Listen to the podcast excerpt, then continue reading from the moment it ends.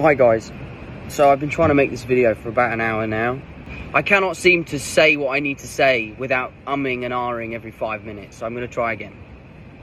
So, I have taken a break from social media uh, for my mental health because I find Instagram and Twitter to be overstimulating, to be uh, overwhelming. I get caught up and I spiral when I read things about me online, and ultimately, it's very detrimental to, to my mental state. So I decided to take a step back and delete the app. זה היה תום הולנד. הוא לא היחיד.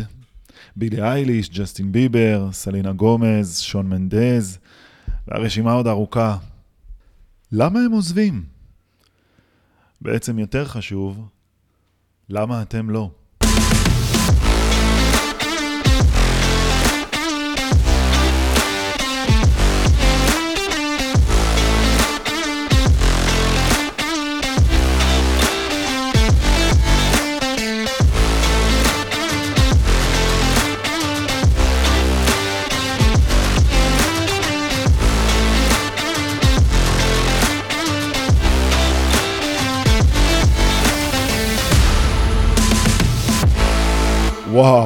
לי בול בזמן התום הולנד הזה. אין על ספיידרמן, אין. איך שאני עובד על פרק שעוסק באינסטה ובחברים שלה, הוא מביא לי אותה וואחד הרמה, תותח. אז כן, לא חסרים uh, כוכבים ומפורסמים גם בחו"ל וגם בארץ שבוחרים לסגור את החשבונות שלהם ברשתות החברתיות או לקחת פסקי זמן ארוכים, ורובם עושים את זה כי הם מבינים וחווים את ההשפעות האישיות והמחירים הנפשיים שזה גובה מהם. מתי הם חוזרים, אם הם חוזרים, כשיש להם משהו למכור לנו. מעניין כמה בני נוער מרגישים בדיוק כמו תום הולנד, אבל עדיין נשארים כבולים לאינסטה ואוכלים את השיט שלה. טוב, יש מצב שאני אשמע קצת כמו פייסט של ההורים שלכם, אני יודע. כל המשפטים האלה שלהם, של ה... תקרא משהו, תעשה שיעורים, לך לישון, אתה כל היום מול המסך, תתכונן למבחן, כמה אפשר עם הטלפון? די כבר עם היוטיוב, שחרר. אף, שחררו אתם. כמה הם חופרים על זמן מסך, וכאילו, מה? מה הבעיה שלהם? מה הם רוצים? תכלס, זה לא מסכן אתכם, זה כולה מסך, מה, מה הקטע? בואו, בחייכם, זה גם לא מצמצם את העולם שלכם, להפך, יש שם מלא מידע, אתם יכולים ללמוד שם בגוגל מלא. וגם אתם מכירים ככה מיליון חברים מכל הארץ, מכל העולם אפילו, אז אתם משדרגים גם את המיומנויות החברתיות שלכם. והכי חשוב, הרי זה לא עולה כסף בכלל. אנחנו לא מוציאים על זה שקל, זה הכל חינם.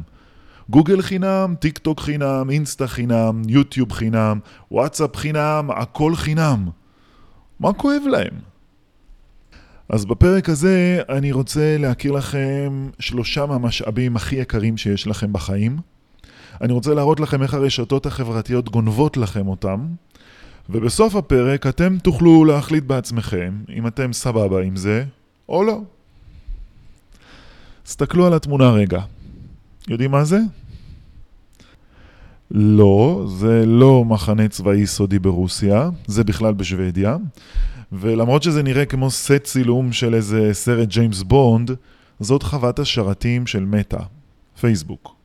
כן, זה, זה הגודל, וזאת רק אחת. ויש כאלו גם לגוגל, של גוגל אפילו יותר צבעונית, נראית כמו גן אירועים שמארח כנס של אינסטלטורים. מייקרוסופט לעומת זאת, היא מטביעה את השרתים שלה באוקיינוס השקט, כי הם פולטים חום מטורף, אז ככה הם מקררים את השרתים שלהם בלי לבזבז מים. מה ההשפעה על האוקיינוס ועל מי שחי בו, את זה אנחנו כנראה נגלה כשכבר יהיה מאוחר מדי. ופה, בין היתר, פייסבוק שומרת את כל המידע שאנחנו, שאתם, מעלים לרשת. המידע שלכם והמידע עליכם. כל פוסט שכתבתם, כל תמונה שהעליתם, כל לייק שעשיתם, כל תגובה שכתבתם, כל בא לי למות, או חיים שלי בלב אתה כפרות עיניים, כל פרצוף ברווז, כל שיחת DM, כל הקלטה, כל... הבנתם, נכון? מה שהקפיץ לי את הפיוז היה, כשב-2017 אינסטגרם הכניסה פיצ'ר חדש. בטח אתם זוכרים, אתם משתמשים בו, הארכיון. כלומר, היכולת שלנו, במקום למחוק תמונות, להעביר לארכיון, כדי שאף אחד לא יראה את התמונה הראשונה שהעלינו בגיל 12 מהטיול בסחנה מחובקים עם אבא או אימא עם כובע של בקס בני. אנחנו קיבלנו את זה, וואלה, כשירות בסט. איזה יופי דואגים לנו באינסטה, כזאת התחשבות במשתמשים.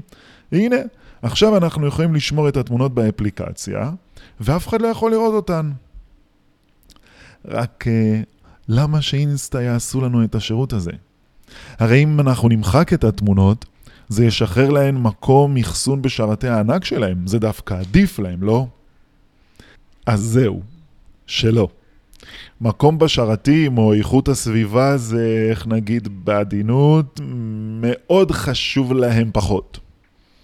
וכאן נכנס הטיעון הראשון, שאתם בטוח מכירים כי שמעתם אותו כבר אלף פעם. במידע האישי שאנחנו מפרסמים בפלטפורמות שלהן, הרשתות החברתיות עושות שימוש, חיתוכים, ניתוחים, והן מוכרות את המידע הזה לחברות שמפרסמות לנו את הפרסומות שלהן ברשתות החברתיות האלה בהתאמה מלאה. כלומר, כל הפרסומות שאנחנו מקבלים מותאמות לנו. כמה פעמים יצא לכם לחפש משהו בגוגל, ושעה אחרי זה נכנסתם לפייסבוק או לאינסטה וקפצה לכם פרסומת בדיוק על מה שחיפשתם. אז קודם כל, אתם מנדבים להם מידע אישי עליכם. תמונות, גיל, מייל, מקום מגורים, חברים, תחומי עניין, איפה הייתם בפעם האחרונה, איפה הייתם כל השבוע, העדפות מוזיקליות, העדפות אופנתיות, פרטי חשבון, דעות אישיות שלכם, עמדות פוליטיות שלכם. בחלק מהחומרים האלה הן סוחרות, עושות אופטימיזציה לפרסומות שאתם מקבלים, התאמה מלאה. אז את המידע עליכם הענקתם לחברות האלה בחינם, תמורת הזכות להעלות לאינסטה עוד תמונה שלכם בביקיני או שלכם בבוקסרס, וואלה ממש, איזו עסקה, רווח מלא שלכם, אין מה להגיד, פה אני שותק. הרי מה זה לתת חינם מידע אישי על עצמי, תמורת הזכות להתפשט בפני מאות ואלפי ואולי עשרות אלפי עוקבים, ש-90% מהם אני לא מכיר ואין לי מושג מי צופה בי, או אולי מוריד את התמונות, או מצלם מסך, או מעלה אותן לאתרים אחרים, או שומר אותם אצלו במחשב, אין לי מושג בשביל מה, לכו תדעו. ולאות תודה, אולי הוא אפילו ישלח לי איזה דיק פיק שלו. וואו, יש לי מעריץ אמיתי, איזה הישג, ישר לקורות חיים, לא פחות. מה זה ויתור על פרטיות תמורת הזכות שכל מה שכתבתי, הגבתי, העליתי לאינסטה, לפייסבוק, לגוגל, לטיק טוק, לטוויטר, יישאר שם גם אחרי שאני אגיע ל-120 ואזדכה על העולם? הרי אין סיכוי בחיים שבעוד כמה שנים אני אתחרט על איזה תמונה חושפנית שהעליתי היום בשביל קצת לייקים. מה הסיכוי שעוד מעט אני אהיה במקום אחר ממה שאני נמצא בו עכשיו? אתבגר, אשתנה, אחפש עבודה במשרד ממשלתי או תפקיד בכיר באיזו חברה ואז חיפוש של מנהלת כוח אדם את השם שלי בגוגל יעלה לתמונה שלי בביקיני על מכסה מנוע של סובארו ג'סטי. אה, בקטנה. העיקר שעכשיו קיבלתי לייק ואפילו תגובה מהממת. אז פה באמת אני אומר שאפו, מידע אישי ופרטיות זה גרעינים שחורים לעומת כל הרווח שאתם מקבלים מהשימוש באינסטה, 1-0 לאינסטה, אני שותק. אבל את זה אתם מכירים, אתם לא צריכים אותי בשביל זה. אז בואו ננסה לבדוק את המשאב השני שנלקח מכם, אולי שם יש איזה סיכון קטן שאתם לא לוקחים בחשבון. עם הרשתות החברתיות, העולם החברתי שלכם נראה לכם כאילו הוא מחזיק יותר הזדמנויות חברתיות. כאילו יש לכם יותר חברים. אם זה נכון, למה רוב הזמן אתם מרגישים כל כך לבד? קבלו סיפור. במאה ה-13, קיסר האימפריה הרומית, קראו לו פרידריך השני, החליט לערוך ניסוי. המטרה של הניסוי, לפי המסופר, הייתה הרצון של הקיסר לדעת איזו שפה ירכשו ילדים שמעולם לא דיברו אליהם, בשום שפה. הוא חשב שבדרך הזאת הוא יצליח לגלות מה שפת הקודש. כלומר, מה השפה הנבחרת על ידי האל. אז מה עשה הקיסר? הוא לקח תינוקות מאומצים והורה לנשים, למטפלות שטיפלו בתינוקות האלה, לגדל אותם בבדידות מוחלטת. לספק להם מזון, לשמור עליהם נקיים, אבל לא ליצור איתם שום קשר. לא לדבר איתם, לא לחבק אותם, לא לערסל אותם, לא לשחק איתם, לא לשיר להם, כלום, שום דבר. איזו שפה לדעתכם דיברו התינוקות בסוף הניסוי? שום שפה. בימים הראשונים הם עוד בכו בניסיון לקרוא לעזרה, לאחר מכן הם דממו, השתתקו, נכנסו לדיכאונות, ורובם מתו. אחרים נותרו עם פגמים מוחיים קשים. הם מתו מהזנחה רגשית. הנזיר שתיעד את הניסוי כתב בספרו, הם לא יכלו לחיות מבלי שישמעו מילות שבח או עידוד, מבלי שמחאו להם כפיים והביעו שמחה בהבעות פנים או בדברי חיבוב ושידול. אנחנו יצורים חברתיים, אנחנו זקוקים למגע, למבט, להבנה, לחיוך, לתקשורת, לחום, לאישור חברתי. ואת זה הילדים לא קיבלו, ולכן הם פשוט נבלו ומתו. ואת זה גם אתם היום לא מקבלים. שמות משתמשים הם לא שמות של חברים שלכם, ואלף עוקבים לא שווים חבר אחד שתוכלו לשבת ולדבר איתו בארבע עיניים, ועשרת אלפים לייקים הם אשליה עצובה ולא מספקת לתשומת לב. מיליון תגובות של כפר החיים של יעד הם יסודות שבורים לבנות עליהם את הערכה העצמית שלך, ואלף סאבים לא יחליפו בחיים חבר אמת שיושיט לך יד כשאתה צריך. ואז אנחנו מחפשים תחליפים, ופותחים להשתמש בכל פלטפורמה חברתית אפשרית כמעט כדי למצוא שם את החברים שלנו, מבזבזים שעות על גבי שעות, יושבים לבד באמצע הלילה בחדר חשוך על המיטה, ומרגישים מחוברים לעולם. אבל האמת היא שככל שאתם מתחברים, ככה אתם מתנתקים. מעצמכם. בארצות הברית בעשור האחרון, שיעור הדיכאון והחרדות בקרב בני נוער עלה ב-30 אחוזים. היקף ניסיונות ההתאבדות בקרב נערים עלה ב-30 אחוזים. אתם יודעים כמה בקרב בנות? כמעט 60 אחוזים, ובישראל המספרים לא רחוקים מזה. אז מה השתנה בעשור האחרון? מה קרה? איך יכול להיות שבתוך עשר שנים יש כאלה קפיצות בתחושות של בדידות, היקפי דיכאון, שיעורי ניסיונות התאבדות? מה קרה?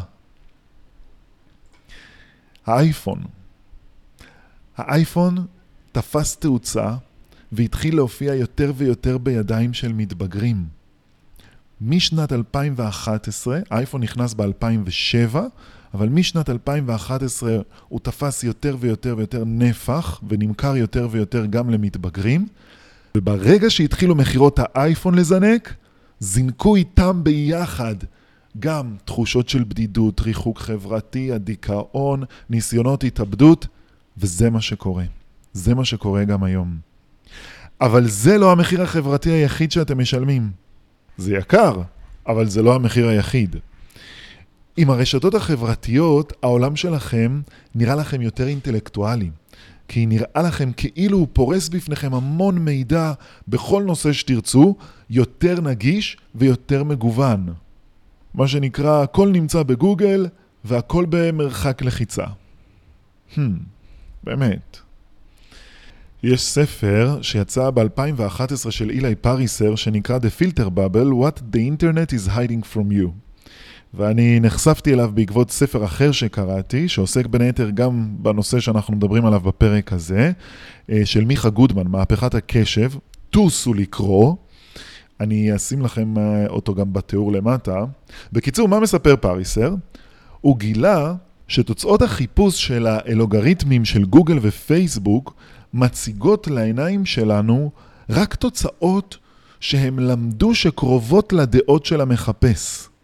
כלומר, אם המחפש יהיה ימני בדעותיו, נגיד, האלוגריתם של גוגל או פייסבוק הרי כבר זיהה את זה, כי הוא אפיין את המשתמש, כי הוא אוסף עליו מלא מידע כל הזמן, ולכן עכשיו בכל חיפוש רלוונטי של המשתמש, הוא יציג לו תוצאות שמתאימות לדעות שהוא מחזיק, להעדפות שלו, לתפיסות שלו.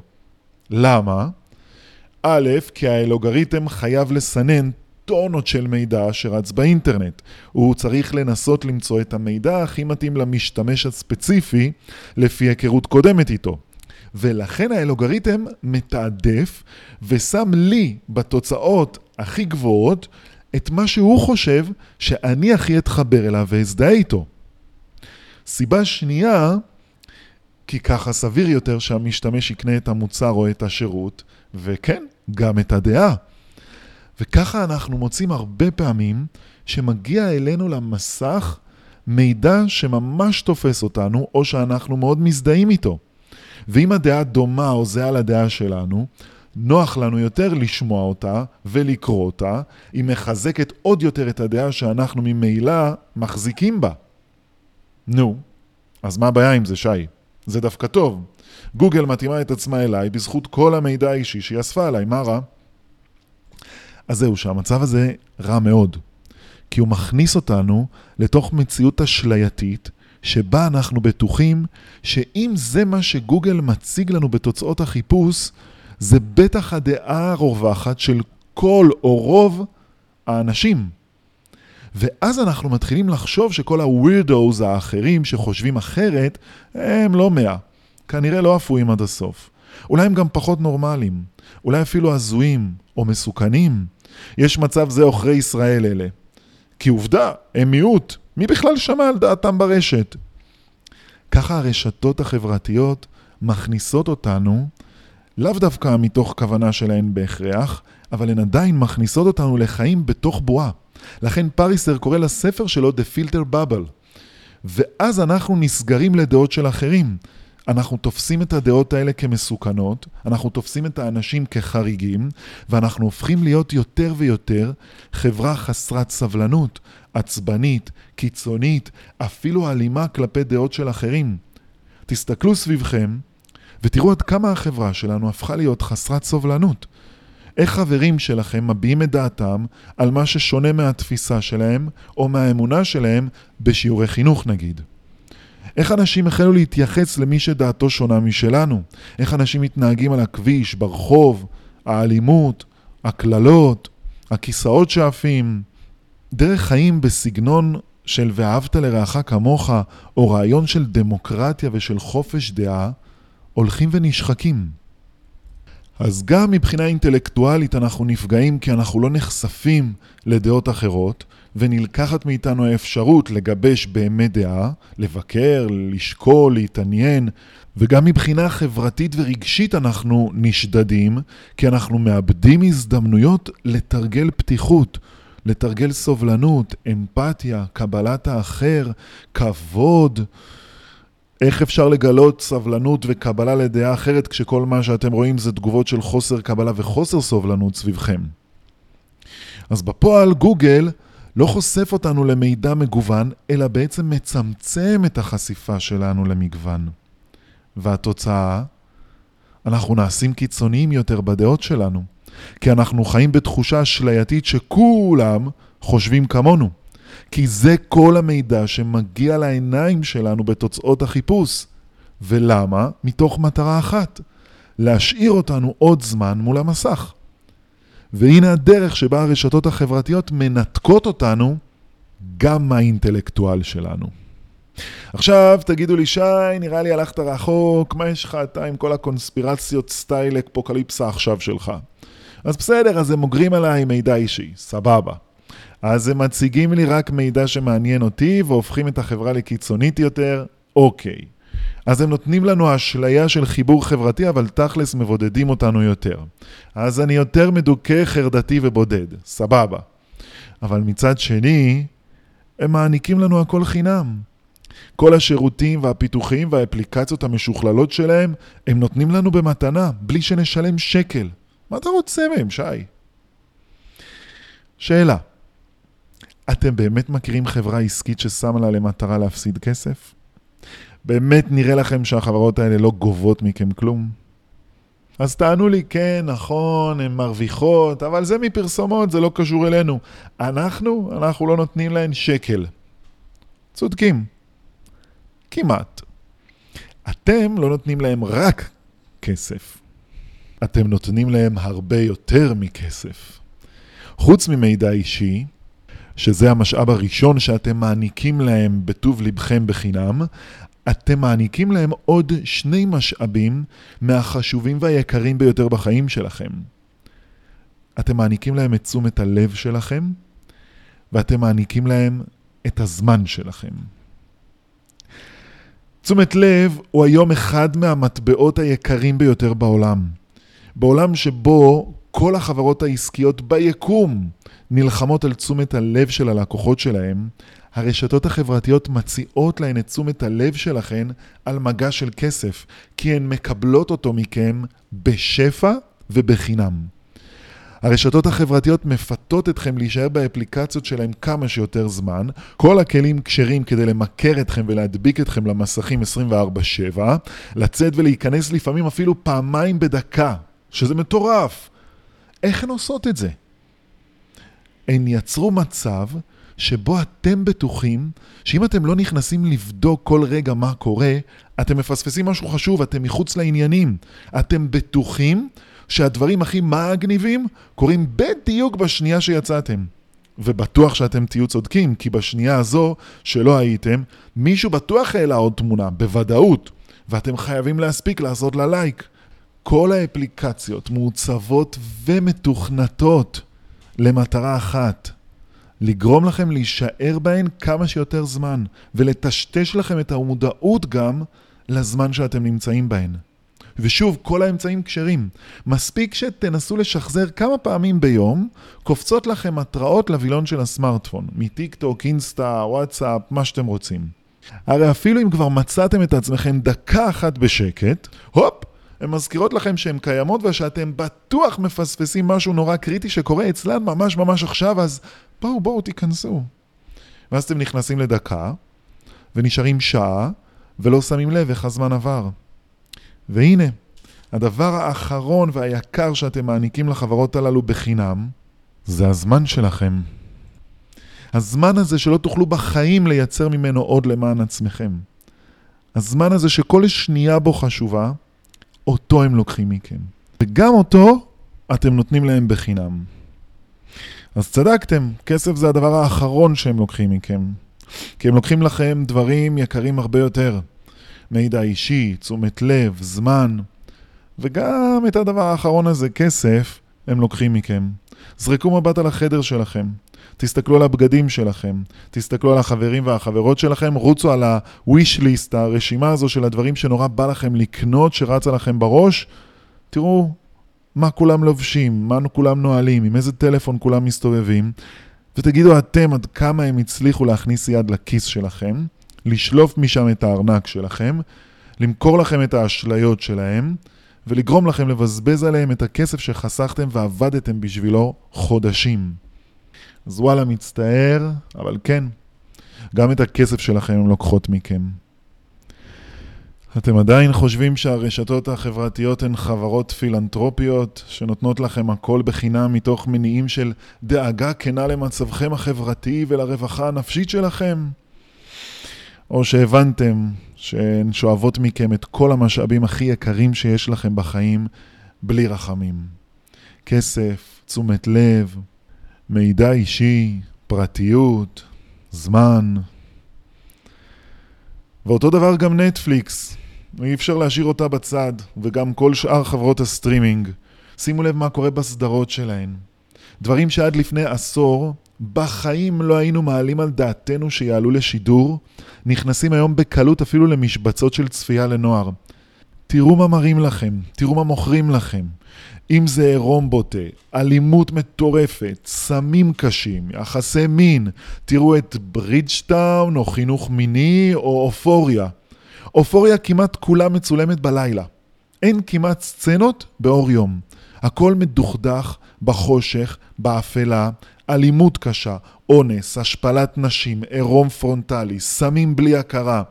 אז בסדר, אז היוצרים יגידו שזו סדרה שמבקרת את המצב של בני הנוער בארצות הברית. אבל יש מלא בני נוער שרואים את זה וחושבים שככה נראים יחסי מין. וחלקם רצים לחקות את זה. איך הגענו לזה? ופה כבר נכנס אפקט אחר. זה אפקט שדומה למה שקורה בעולם התקשורת והפייק ניוז. רף הרגישות, סף הרגישות שלנו, התקהה. כל סדרה כזאת מעלה עוד ועוד את האדישות שלנו. ואז חברות הסטרימינג מחפשות מה ישאיר אותנו צמודים למסך, איזה רגש יגרום לכם להחזיק להן את הרייטינג על הגב שלכם. ואז הן מעלות את הרף. אם אתם כבר רגילים לעירום נשי, יאללה בואו נכניס לכם עירום גברי. בסדרה הבאה זה כבר לא יספיק, ברור, כי הרגש התקהה, התרגלנו, נעשינו אדישים לזה. אז יאללה, אם סיימנו עם עירום גברי, בואו נכניס אלימות קיצונית. התרגלו לאלימות קיצונית, מה נמכור עכשיו? בואו נכניס סמים קשים. נעשינו אדישים גם לזה, עכשיו בואו נלך על אונס ברוטלי. אולי רצח של בני נוער רוצחים אחד את השני בבית ספר? הולך, למה לא? מה הדבר הבא שיחזיק אותם מול המסך ויכניס לנו כסף? רק תביאו. אולי הכל ביחד. ואז אחר כך אולי נעטוף את כל זה ונכניס לתוך ריאליטי לפנים. כי אם אפשר, ואף אחד לא קם או מתנגד, וכולם שותקים וממשיכים לצרוך ולהישאר מכורים וצמודים למסכים, אז למה לא להמשיך ולהעלות את הרייטינג על הגב שלכם? אבל המחיר כבד. אנחנו הופכים להיות אנשים אפאתיים, מנוכרים, מדוכאים, אדישים לצער של האחר, אדישים לכאב של האחר. אנחנו הופכים אדישים לתמונות קשות שאנחנו רואים על המסך ושאין שום סיבה שנראה על המסך. אנחנו הופכים אדישים לעצמנו. אתם באמת מאמינים שאפשר לראות לילות שלמים בינג'ים של סדרות כאלו בלי שתהיה לזה שום השפעה נפשית רגשית עליכם? אבל כל עוד הם שומרים על סף גירוי גבוה של מה שנקרא מרכזי העונג שלנו במוח, אנחנו מתפתים, אנחנו נכנעים, אנחנו מתמכרים, ואנחנו מעניקים להם בחינם את הזמן, את תשומת הלב, ואולי אפילו הרבה יותר מזה, והם עושים בהם מה שהם רוצים. ואתם יודעים מה הכי אירוני? הכי אירוני זה שאתם חושבים שאתם נהנים. כלומר, טוב, בסדר, אז הקרבתי את הדברים הכי יקרים בחיים שלי, אבל לפחות אני נהנה מאיזו סדרה טובה בנטפליקס שתטשטש לי קצת את העובדה שאני יושב לבד בחושך בחדר כבר שעות. אז זהו, כדאי שתשבו ותקשיבו לזה. ואת זה קראתי בספר עושר אפשרי של אבי הפסיכולוגיה החיובית, לא פחות, אה, מרטין סליגמן. סקרים מראים שמצב הרוח הממוצע בעת צפייה בתוכניות קומיות הוא דיכאון קל. עוד פעם, מצב הרוח הממוצע שלכם בעת צפייה בתוכניות קומיות הוא דיכאון קל. והנה עוד סיבה למה מצבים של דיכאון נפוצים כיום פי עשרה יותר מאשר לפני 40 שנה. והנה עוד סיבה למה הגיל הממוצע של לוקים בדיכאון ירד בתוך 40 שנה. מגיל 30 לתחזיקו חזק, 14 וחצי. הגיל הממוצע של אנשים שלוקים בדיכאון היה לפני 40 שנה בסביבות ה-30. היום הוא מתחיל מ-14 וחצי. אתם יכולים לחפש את כל המידע הזה לבד, זה אצלו בספר, עמוד 139, בדקתי. ישיבה מול מסכים מכניסה אתכם למצב של דיכאון קל. ואז בכלל, מי רוצה לקום כדי לסגור את המסך? אף אחד. מהרבה בחינות, זאת אשמה שלנו. גם האזרחים, ההורים שלכם, אבל גם שלכם, וגם של מדינת ישראל, וגם של כל העולם. חוסר האחריות של החברות האלו הוא אולי צפוי. הן רוצות לעשות כסף, והן באמת מגלגלות מיליארדים עבור עצמן. גם חוסר האכפתיות של המדינה צפוי, היא מקבלת נתח מיסים משמעותי מהחברות האלה, אבל מבחינה מוסרית מצופה ממנה כבר מזמן להתחיל לפקח על המצב ועל כל הנעשה בתחום, ובעיקר על המצב הרגשי שלכם, בני הנוער. ואנחנו אשמים שאנחנו מכורים גם כן בעצמנו ולא קמים ולא דורשים טיפול רציני מהמדינה בנושא הזה. האדישות שלנו, בני אדם, מול המפלצת הטכנולוגית הזו, שיצאה מכל שליטה ומכל איזון, והפסיקה להיות מוסרית ואחראית מכל כך הרבה בחינות, שאוכלת כל חלקה טובה בכם, הילדים שלנו, שמסממת אתכם מול המסכים שעות על גבי שעות, שמטמטמת אתכם, שמשפיעה על עיצוב האני שלכם, שגונבת את הזהות שלכם, שמרדדת את האינטליגנציה שלכם, זו בעיניי סכנה, זאת סכנה לעתיד האנושות, לא פחות. גם הכניסה החדשה בקרוב של משקפי המציאות הרבודה וכל טכנולוגיית ה-AI והמטאוורס, הם מכניסים את העולם לסחרחורת עוד יותר גדולה. כבר עכשיו מעלה שאלות אתיות רציניות וקשות לגבי רמת המוסריות של הטכנולוגיות האלה. ואני יודע שאני נשמע לכם כבר uh, קצת קונספירטיבי וסטייל איזה אפוקליפסה עכשיו, וגם שליחות קטלנית 2, או סתם טמבל של וולי. אבל לא רחוק היום שאנשים לא יצטרכו לצאת מהבית, משום סיבה. חברות הטכנולוגיה והרשתות החברתיות השתלטו על כל היבט בחיים שלנו. פשוט שימו משקפיים או עדשות של מציאות מדומה כזאת או אחרת על העיניים, תתכנתו לעצמכם את החיים שאתם רוצים לחיות בהם, וזהו, אתם שם. חיים בתוך הפנטזיה של עצמכם, במקום שאתם רוצים, עם החברים שאתם רוצים, עם בת, בן הזוג שאתם רוצים, עושים רק מה שאתם רוצים בפנטזיה, קונים מה שאתם רוצים בעולם שהצבתם לעצמכם במציאות המדומה הזאת, ובפועל כלואים בבית בחושך. אבל למי אכפת? ממילא המציאות היא רק עניין של פרשנות. אז עכשיו היא תהיה עניין של תכנות. ואחרי כל המניפסט הזה, סטייל אני מאשים, תראו, אנחנו כן צריכים טכנולוגיה, וטיפש מי שיגיד לכם שאפשר לוותר עליה. וגם רשתות חברתיות זה בסדר. אבל כן נדרשת מכם אחריות, מודעות, שליטה עצמית, ובעיקר איזון. עליכם גם מוטלת האחריות לא לתת לזה ללכת רחוק מדי. יש לי כמה תלמידים שהבינו את זה כבר, והבינו את ההשפעות הגרועות והניצול של הרשתות החברתיות האלה, ופשוט מחקו את האפליקציות מהמכשירים שלהם. אז נכון, בהתחלה, שבוע-שבועיים זה חסר, אבל הם מילאו את החיים שלהם בעיסוקים בתחומי עניין אחרים. והיום הם אומרים, וואלה, איזה מזל שנפטרתי מהשיט הזה. אני בעצמי לא נכנסתי כבר שנתיים לאינסטה, ואני לא מתגעגע לדקה. אולי כשיהיה לי מה למכור שם, אני כן אכנס. לא יודע. תבינו, האפליקציות האלה הן פלטפורמות מכירה לכל דבר. שימו לב לכל המפורסטמות ולכל המפורסטמים ששם. הם מוכרים, או באופן ישיר, או באופן סמוי, עבור חברות שונות, או עבור עצמם, וגוזרים עליכם קופונים שמנים של אלפי, עשרות, אולי מאות אלפי דולרים, תלוי מי המפרסם או מי המפרסמת. תכלס, אם אתם שם, או שאתם מוכרים, או שאתם קונים. או שאתם הטורפים, או שאתם הטרף הקל. אם אין לכם משהו למכור ברשתות החברתיות, אין לכם מה לחפש שם בתכלס. אלא אם כן אתם מוכרים את עצמכם. בדרך כלל, את גופכם על לוח המודעות המרכזי ביותר בעולם. אז מה עושים עכשיו עם כל הפול מידע הזה שהנחתתי עליכם? אני משער שאתם יודעים לבד. סתלקו מהרשתות החברתיות, צמצמו אותן, צמצמו את הזמן, הגבילו זמן מסך. תעמיסו על עצמכם פעילויות בחוץ עם אנשים שאתם יכולים לראות אותם, לדבר אליהם פנים אל פנים. כשאתם יוצאים לסיבוב קצר מחוץ לבית, שעה ככה, תשאירו את הטלפון בבית. תגדירו לעצמכם שעה מסוימת שאחרי הטלפון אאוט בערב, נגיד מ-10 וחצי, 11. אה, תדאגו להטעין את הטלפון שלכם בלילה מחוץ לחדר שלכם. תקבעו שעה מסוימת ביום מוגדרת לצפייה בטלוויזיה. ותרו על סדרות ועל בינג'ים, זה מכלה זמן מטורף.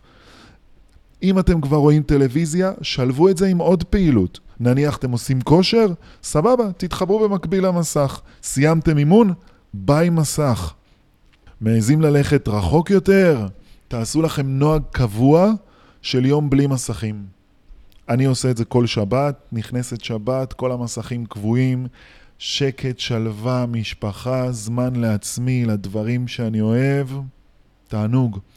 לפני שנתיים וגם לפני שלוש עשיתי את זה עם הכיתה שלי, עם שתי כיתות, אה, אתגר.